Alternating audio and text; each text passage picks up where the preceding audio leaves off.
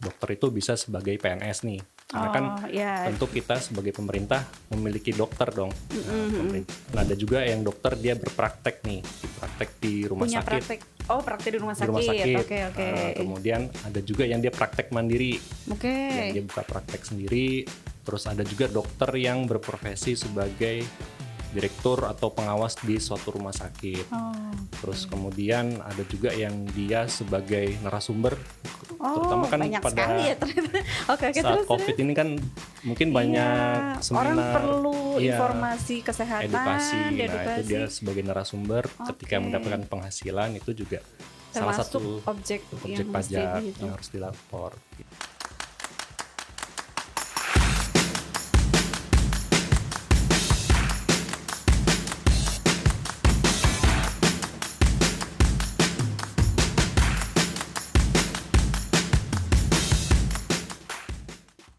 Assalamualaikum warahmatullahi wabarakatuh. Kawan pajak semua, kembali lagi bersama saya Ida Laila. Kawan pajak kini tengah menyaksikan dan mendengarkan podcast katalog gue Kanwil DJP Banten. Tempat kawan pajak curhat, dialog dan sharing mengenai informasi-informasi kekinian terkait perpajakan serta peraturan-peraturan perpajakan terbaru bersama para pakar dari Kanwil DJP Banten serta para tokoh dan stakeholders Kanwil DJP Banten. Nah, kawan pajak semua bicara tentang pajak tentu akan erat sekali kaitannya dengan penghasilan. Nah, penghasilan ini baik dari orang pribadi maupun badan. Terkait dengan wajib pajak orang pribadi, maka kita tidak hanya mengenal orang pribadi itu sebagai karyawan, ada juga jenis-jenis profesi tertentu yang menyebabkan perhitungan pajak berbeda dari yang biasanya. Nah, kawan pajak tentu juga perlu memahami nih apa status pekerjaan kawan pajak sehingga nantinya tidak salah dalam menghitung dan membayar pajak. Nah, pada hari ini podcast katalog gue Kanwil DJP Banten menghadirkan seorang penyuluh pajak ahli pertama dari KPP Pratama Tangerang Timur.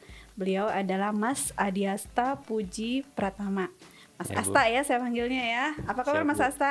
Alhamdulillah Bu sehat Bu. Alhamdulillah. Nah, Bu hari sehat ini nih, alhamdulillah, alhamdulillah. Hari ini kita mau bicara apa sih? Tadi saya udah bicara tentang kalau DJP itu bicara tentang pajak, penghasilan, OP badan dan OP ada macam-macam profesinya. Nah, hari ini kita bicara apa nih? Eh, untuk kali ini kita akan membahas terkait dengan eh, perpajakan orang pribadi, Mhm. khususnya yang berprofesi berprofesi sebagai dokter. Oke, Seperti itu, Ibu. dokter. Ini dokter ada perhitungan sendiri ya, berbeda dengan Ada. misalnya karyawan saya gitu ya sebagai karyawan DJP gitu. Dokter beda ya? Berbeda Bu. Oh, Oke. Sebenarnya ketentuannya apakah juga berbeda atau gimana nih? Boleh diceritakan soalnya? Ya, kalau untuk ketentuannya sih kita sebagai orang pribadi sama di dalam peraturan itu diatur dalam Undang-Undang PPH Bu nomor 36 tahun 2008 yang sudah diubah Bu. Kemarin ya 2021 ada Terakhir ya. Undang-Undang harmonisasi peraturan HPP, perpajakan oke. gitu. Kemudian ada aturan turunan yang terakhir itu ada uh, peraturan Dirjen tahun eh, nomor 16 tahun 2016 terkait dengan teknis pemotongan, pembayaran dan pelaporan SPT orang pribadi. Oh, Terus ada juga untuk karena dokter ini kan dia berprofesi sebagai yang melakukan pekerjaan bebas nih Bu. Nah, itu ada namanya norma penghitungan penghasilan itu. Oke, untuk mendapatkan penghasilan netonya gitu Betul, Ibu. seperti apa ya? Oke, ini berarti eh, di pajak ini memilah-milah ya antara orang pribadi yang karyawan, kemudian apa tadi penghas- pekerjaan, Pekerjaan bebas. bebas Ibu. Nah, pekerjaan bebas itu sendiri boleh dong kawan pajak biar paham dulu pekerjaan bebas itu apa? Ya, pekerjaan bebas itu sesuai dengan ketentuan adalah pekerjaan yang dilakukan oleh orang pribadi terkait dengan keahliannya gitu. Oke, Jadi, seperti dokter, terus seperti apa dokter, lagi? kalau eh, profesi lain seperti notaris, arsitek, Oke. konsultan. Nah, itu kan dia memiliki keahlian khusus. Hmm. Nah, itu ketika dia melakukan eh, jasanya itu disebut dengan pekerjaan, pekerjaan bebas. bebas. Oke, objeknya sendiri sebetulnya dari profesi dokter itu objek pajaknya apa sih? Yang Kalau untuk sumber penghasilan ya Bu ya, sumber penghasilan dokter itu dokter ini kan luas ya cakupannya ya Bu ya. Jadi banyak penghasilan yang bisa didapatkan dari dokter. pajak? Oke. Nah, contohnya yang pertama Ibu, dokter itu bisa sebagai PNS nih. Karena kan oh, ya, tentu kita sebagai pemerintah memiliki dokter dong, Nah, pemerintah, dokter PNS. betul. Kemudian ada juga yang dokter dia berpraktek nih, dipraktek di rumah Punya sakit. praktek. Oh, praktek di rumah di sakit. rumah sakit. Oke, oke. Nah, kemudian ada juga yang dia praktek mandiri. Oke. yang dia buka praktek sendiri. Terus ada juga dokter yang berprofesi sebagai direktur atau pengawas di suatu rumah sakit. Oh, Terus kemudian ada juga yang dia sebagai narasumber, oh, terutama kan banyak pada sekali ya ternyata. Oke, oke saat terus. COVID ini kan mungkin Iya, banyak orang seminar, perlu iya, informasi kesehatan, edukasi. Nah itu edukasi. dia sebagai narasumber ketika Oke. mendapatkan penghasilan itu juga salah termasuk satu objek, objek yang mesti pajak dihitung. yang harus dilapor. Gitu. Atau dokter juga mungkin punya apotik misalnya Oh, di tempat praktiknya mungkin, ada apotik gitu ya. Iya. Itu termasuk juga yang mesti dilaporkan oleh dokter Betul. ya. Oke. Nah, jadi sebetulnya setelah tahu nih macam-macam, mungkin ada juga yang dia semua hal itu dia lakukan atau cuma jadi dokter praktek sendiri aja atau praktek di rumah sakit. Nah, kewajibannya dokter itu seperti apa harusnya terkait pajaknya nih ya? Iya. Jadi untuk dokter ya Bu, masing-masing dari sumber penghasilan tadi itu perlakuan perpajakannya juga berbeda Bu. Wah, ini dokter harus tahu. Iya. Puyeng juga ternyata beda-beda. Boleh satu-satu deh dijelasin sama Mas Iya. Asta. Yang pertama dokter itu kan eh, ketika dia eh, lulus dari fakultas kedokteran kan menjadi dokter ya Bu. Nah sebagai warga negara yang baik itu kan mendaftarkan diri eh, untuk memperoleh NPWP. Oke. Nah, NPWP bisa didaftarkan secara mandiri di laman irek.pajak.go.id. Nah, kemudian langkah selanjutnya apa nih setelah punya NPWP? Nah, dokter menghitung sendiri sesuai dengan asas perpajakan kita kan self assessment, Bu. Self-assessment, Jadi ya. s- atas penghasilan dokter itu dokter harus menghitung sendiri pajaknya. Mhm. Nah, setelah dihitung ternyata ada kurang bayar ini, Bu. Nah, dokter harus membayar Harus bayar. pajak yang kurang dibayar tersebut. Dan terakhir adalah pelaporan SPT tahunan. Seperti itu, Oke. Bu. Nah terus eh, kan misalnya nih dia kalau cuma praktek sendiri dia mungkin bisa ngitung sendiri. Nah untuk dokter-dokter yang seperti tadi Mas Asa bilang ada yang jadi PNS, Mm-mm. ada yang jadi direktur, ada yang punya Iya. usaha. Nah ini dari masing-masing itu apa nih yang perlu dokter lakukan gitu? Ya, yang pertama tadi dari sumber-sumber penghasilan ya, Bu. Nah, untuk yang pertama eh, dokter harus membuat pencatatan, Bu namanya. Oke. Iya, jadi Penghasilan sebetulnya- dia apa aja gitu ya? Betul. Oh, oke. Jadi pada dasarnya kan wajib pajak itu diminta membuat pembukuan. Hmm. Namun jika penghasilan keseluruhan itu masih di bawah 4,8 miliar, Per maka tahun. per tahun nih, Bu. Oke. Nah, itu eh, bisa melakukan pencatatan. Hmm, maksudnya Tapi- dicatat aja gitu dia penghasilan ini dapat apa apa apa gitu. Ya, jadi untuk yang seperti praktek mandiri misalnya. Hmm. nah itu bikin pencatatan sederhana aja bu. Jadi setiap hari misalnya ada pasien eh, berapa yang datang, Hmm. dapat nominal berapa. Nah itu nanti direkap per bulan. Nah itu namanya pencatatan. Oh, Oke, sederhana saja ya, Iya, tidak perlu begitu, Bu. rumit-rumit. Sepanjang dia masih penghasilannya di bawah 4,8 miliar. miliar. setahun. Gitu. Nah, setelah misalnya dia nih dokter nih, mungkin ini harusnya ini ya apa?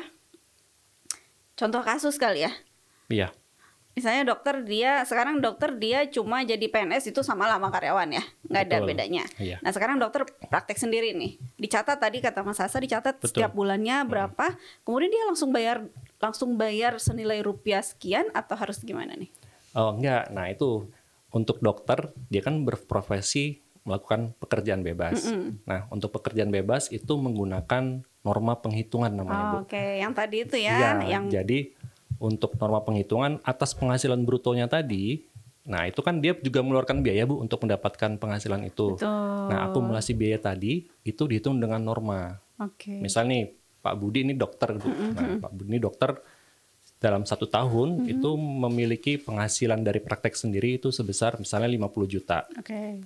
Nah 50 juta ini ini kan penghasilan bruto Ya kotor ya dia. kotor. Nah, itu Pak Budi menggunakan norma norma penghitungan penghasilan itu. Jadi untuk dokter ini rata-rata di 10 kota besar dan rata-rata di daerah eh, di Indonesia itu normanya 50% Oke, dari yang 50 juta tadi dikali 50%. Dikali 50%. Nah, berarti penghasilan neto atau penghasilan bersih dia ya. yang dihitung untuk pajaknya itu sebesar 25 juta. 25 juta. Nah, dari situ Seperti itu. Dihitung pajaknya. Betul, Ibu. Hmm, oke berarti tidak langsung serta merta dari penghasilan dia langsung pajaknya berapa nih? Tapi harus dicari dulu bersihnya berapa gitu Iya. dengan cara norma penghitungan penghasilan neto itu ya. Gitu, Ibu. Oke. Kalau tadi tadi sumber penghasilannya sebagai direktur rumah sakit. Ya. Nah, seperti apa tuh? Kalau untuk direktur rumah sakit, uh, dia Atau PNS tadi ya? Iya, berarti dia memiliki pekerjaan sebagai pegawai tetap Oke. karena dia mendapatkan penghasilan yang rutin dari uh, rumah sakit. Iya, iya. Sama dengan PNS dia, Bu. Hmm. Nah, jadi untuk penghasilan yang dari rumah sakit yang sebagai direktur ini, maka nanti rumah sakit akan menghitung pajaknya. Oke. Jadi direktur dia tidak menghitung sendiri, Bu. Mm-mm. Jadi atas Bagian penghasilannya nanti sakit ya? eh, akan dihitung per bulan, terus disetahunkan, kemudian Iya. dikurangin PTKP. Mhm.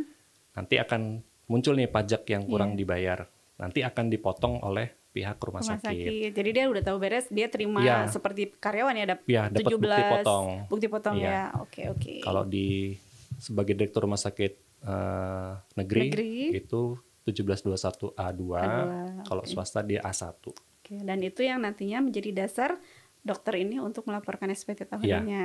Oke. Iya. Ini salah satu dokumen yang nanti akan dilaporkan gitu. Ah, Oke.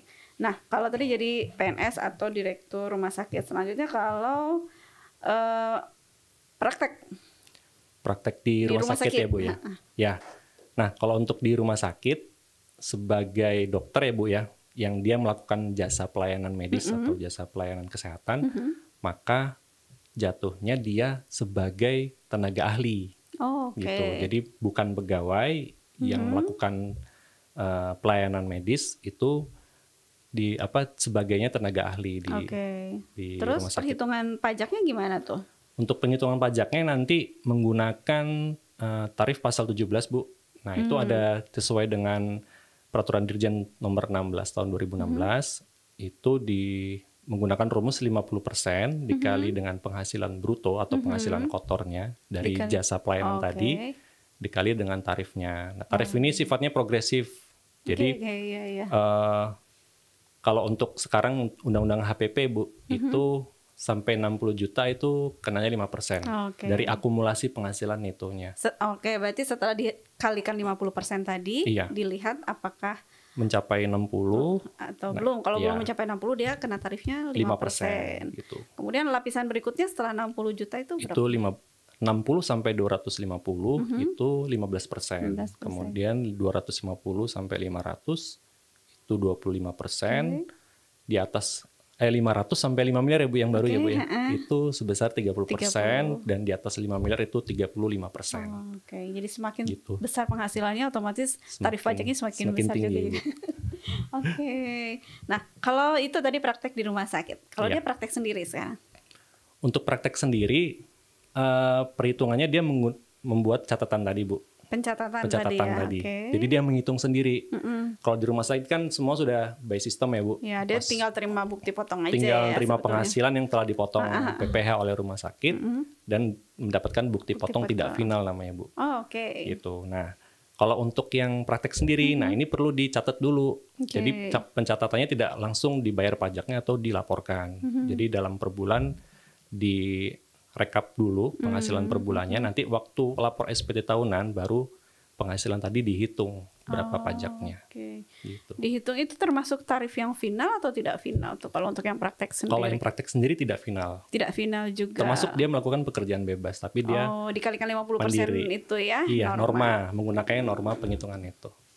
Oke. Nah, terus ada lagi tadi disampaikan sumbernya itu dia jadi narasumber seminar, seminar atau apalah gitu. Iya, jadi kalau dokter yang dia melakukan eh, sebagai narasumber ya Bu ya, melakukan edukasi kepada peserta workshop atau seminar, dia mendapatkan penghasilan Bu biasanya dari eh, Ya, event organizer atau betul, betul. penyelenggaranya. Iya. Nah itu sebenarnya objek pajak.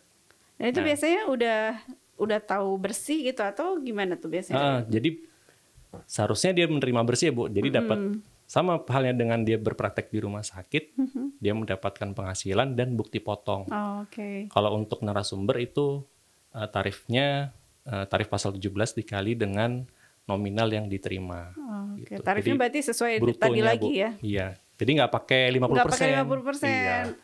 Itu udah dianggap sebagai netonya gitu Iya. ya. Dikalikan langsung tarif pasal 17. Misalnya eh, Pak Budi tadi dokter nih, dia ada seminar eh, terkait edukasi penanganan COVID misalnya. Mm-hmm. Nah itu mendapatkan eh, bayaran atau eh, upah narasumber itu sebesar 5 juta misalnya. Nah, itu berarti pajaknya adalah 5% dikali Dari dengan 5 juta. 5 juta. Oh langsung itu ya Langsung, harusnya. Ibu. Nah kalau misalnya dia nggak terima bukti potong dia memang dari penyelenggara langsung dapat 5 juta aja gitu. Jadi pen- penyelenggara nggak ngasih bukti potong. Ini harus melaporkan juga si dokternya atau gimana? Iya, jadi eh, kalau misalnya nggak dapat bukti potong Mm-hmm. atau eh, tidak ada apa ya dari bu, dari penyelenggara itu tidak diterbitkan eh, bukti atas pemotongan pajaknya Mm-hmm. tetap dilaporkan dalam penghasilan. Nanti dihitung juga pajaknya Iya, dibayar cuman sendiri dia berarti? tidak ada kredit pajaknya waktu Oh, di SPT oke. tahunan. Iya, jadi tidak bisa mengkreditkan ya. Kalau Iya. kayak tadi karena itu sifatnya tidak final dia bisa kreditkan ketika Betul. lapor SPT tahunan. Oke, Gitu. kemudian tadi sudah direktur praktek di rumah sakit, praktek sendiri. Sekarang yang punya usaha nih, Iya. apotik. Karena kalau ada info juga dok, seorang dokter itu bisa praktek di tiga tempat gitu bu. Jadi sangat memungkinkan dia memiliki sumber penghasilan lebih dari satu. Iya betul betul. gitu. Nah, salah satunya kalau untuk praktek usaha itu dia nggak ada izin atau apa ya bu? Mungkin izin terkait eh, siup situ. Siup usahanya aja ya. Nah, untuk yang penghasilan sebagai usahawan dia Hmm. memiliki apotik atau usaha lainnya, maka ini kembali lagi ke aturan eh, PP nomor 23 tahun 2018. Oke. Peraturan pemerintah terkait dengan PPh final yang dikenakan untuk UMKM. Nah. Catatannya selama omsetnya apotiknya Mm-hmm. di bawah 4,8 miliar. Dia harus bayar ketika Ya, tiap tarifnya bulan. 0,5 persen dikali omset yang diterima tiap bulan, Setiap bulan. dan distorkan setiap bulan. Nah, dengan adanya undang-undang HPP ini gimana nih? Masih tetap sama seperti itu aturannya atau ada yang baru? Ya, di Undang-Undang HPP ada aturan baru untuk PPh final ya, ada Mm-hmm. tambahan namanya batas tidak kena pajak Oke. khusus orang pribadi. Mm-mm. Eh, untuk batasan kena tidak kena pajaknya itu sebesar 500 juta. Selama omset yang didapat kurang dari 500 juta, maka tidak ada Per tahun ya? Tidak per tahun, Bu. Akumulasi peredaran brutonya. Oh, oke. Jadi misal nih Dokter Budi punya apotik, kita bahasnya Dokter Budi lagi ya. Dokter Budi punya apotik, eh, penjualannya per bulan tuh 100 juta Oke. atas obat. Mhm. Nah, kemudian sampai bulan kelima kan omsetnya masih 500 juta. Nanti di bulan keenam baru Oh, dikenakan terakumulasi gitu iya, ya? akumulasi Oh, oke, omsetnya oke. bukan per tahunnya. Oh, jadi eh, bulan Januari sampai Mei sudah sampai 500 juta. Ketika Juni dia tidak bisa lagi tidak bayar pajak. Hmm. Iya, dia, sudah harus bayar pajak PPh final 0,5 persen. persen. Oh, Nah, oke untuk nih. yang PP23 ini Mhm. berlakunya untuk orang pribadi itu untuk selama tujuh tahun. setelah tujuh tahun nggak boleh lagi dia harus bayar Iya, pajak. jadi nanti ketika dia masih di bawah 4,8 Mhm. dia bisa uh, menggunakan norma perhitungan neto, Oke. tapi khusus untuk dagang bu, gitu. bukan pekerjaan bebas. Apa Itu nanti pekerjaan bebas tetap aturannya yang sama diaturnya dengan uh, peraturan nomor 17, peraturan dirjen nomor 17 tahun 2000 2016. Eh, 15. 2015. Nah, nah itu terkait penyampaian norma penghitungan neto. mhm. Cuman untuk pekerjaan bebas dan dagang ini berbeda nanti nominal normanya Hmm. gitu. Nah, eh, memang dokter ini unik ya. Jadi dia bisa praktek di rumah sakit, jadi direktur praktek. Tapi ada lagi nggak sih eh, selain sebagai dokter terus dia punya penghasilan lainnya misalnya? Sangat mungkin sih Bu. Mungkin ya. Iya. Contohnya apa nih? Eh contohnya misalnya dokter punya ruko misalnya. Oke. Eh, kan sangat mungkin. Nah, itu eh, atas ruko ini disewakan ke pihak lain. Nah, dokter kan punya penghasilan dari sewa ruko yang didapat ya, Bu. Mhm. Atas penghasilan ini terutang PPh final Oh, gitu. baik. Tapi untuk yang bersifat final ini nantinya tidak dihitung kembali di SPT tahunan. Cuma dilaporkan Hanya saja. dilaporkan saja, Ibu. Tapi ketika lakukan transaksi itu dokter Iya. harus menghitung pajaknya. Betul. Contoh lagi misalnya dokter sebagai pemilik saham di suatu rumah sakit misalnya, Bu. Oh, oke. Nah, Itu ketika RUPS ada pembagian dividen nih, Bu. Oke. Nah, atas dividen yang didapat oleh dokter tadi itu terutang PPh final juga. Selama dia tidak menginvestasikan ya, Bu ya. Karena kan di Undang-Undang Cipta Kerja dividen tidak ada bisa tidak kena pajak jika diinvestasikan di ketentuan yang ditentu eh, diatur oleh Undang-Undang Menteri Cipta. Kerja Iya. itu. Oh, Oke, banyak ya sebetulnya. Terus bisa jadi misalnya dia ikut event apa, terus dia dapat hadiah Iya bisa Gitu. juga. Bisa juga. Misalnya gitu. undian, hadiah undian, sama itu kan di terutangnya final juga ya bu. Jadi yang kita lihat dulu objek pajaknya, apakah dia final atau dia tidak final. Itu mah umum sih sebenarnya nggak cuma dokter ya. Iya, sebetulnya ini secara umum sih. ya. Jadi untuk dokter itu sangat mungkin punya penghasilan lain selain profesi dia sebagai dokter. Gitu. Kalau yang profesinya sih tadi itu ya, yang dikalikan normanya berapa, kemudian jadi Iya. direktur segala macam. Gitu. Oke. Nah, sudah apa lagi nih Mas Asta terkait profesi dokter? Mungkin untuk tarifnya aja sih bu. Oke. Jadi tarif untuk pajak. Jadi kan nanti waktu setelah dokter mengumpulkan dokumen-dokumennya, Mhm. itu kan akan dilaporkan dalam SPT bu. Oke. Nah, SPT tahunan itu isinya nggak hanya pelaporan penghasilan bu, Oke. tapi juga dokter harus menyiapkan data hartanya. Oke. Data harta untuk tahun pajak yang akan dilaporkan. Misalnya untuk sekarang kan tahun pajak 2021. Maka eh, para dokter diharapkan untuk eh, membuat list dat- daftar harta yang dimiliki dengan kondisi per 31 Desember 2021.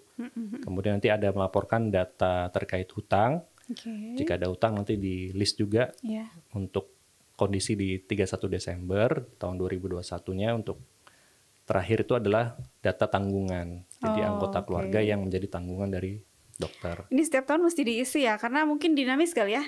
Iya, Harta betul, Ibu. bisa jadi misalnya tahun lalu masih punya kendaraan apa, kemudian Iya. dijual gitu ya. Makanya tetap harus diupdate terus ya. Betul.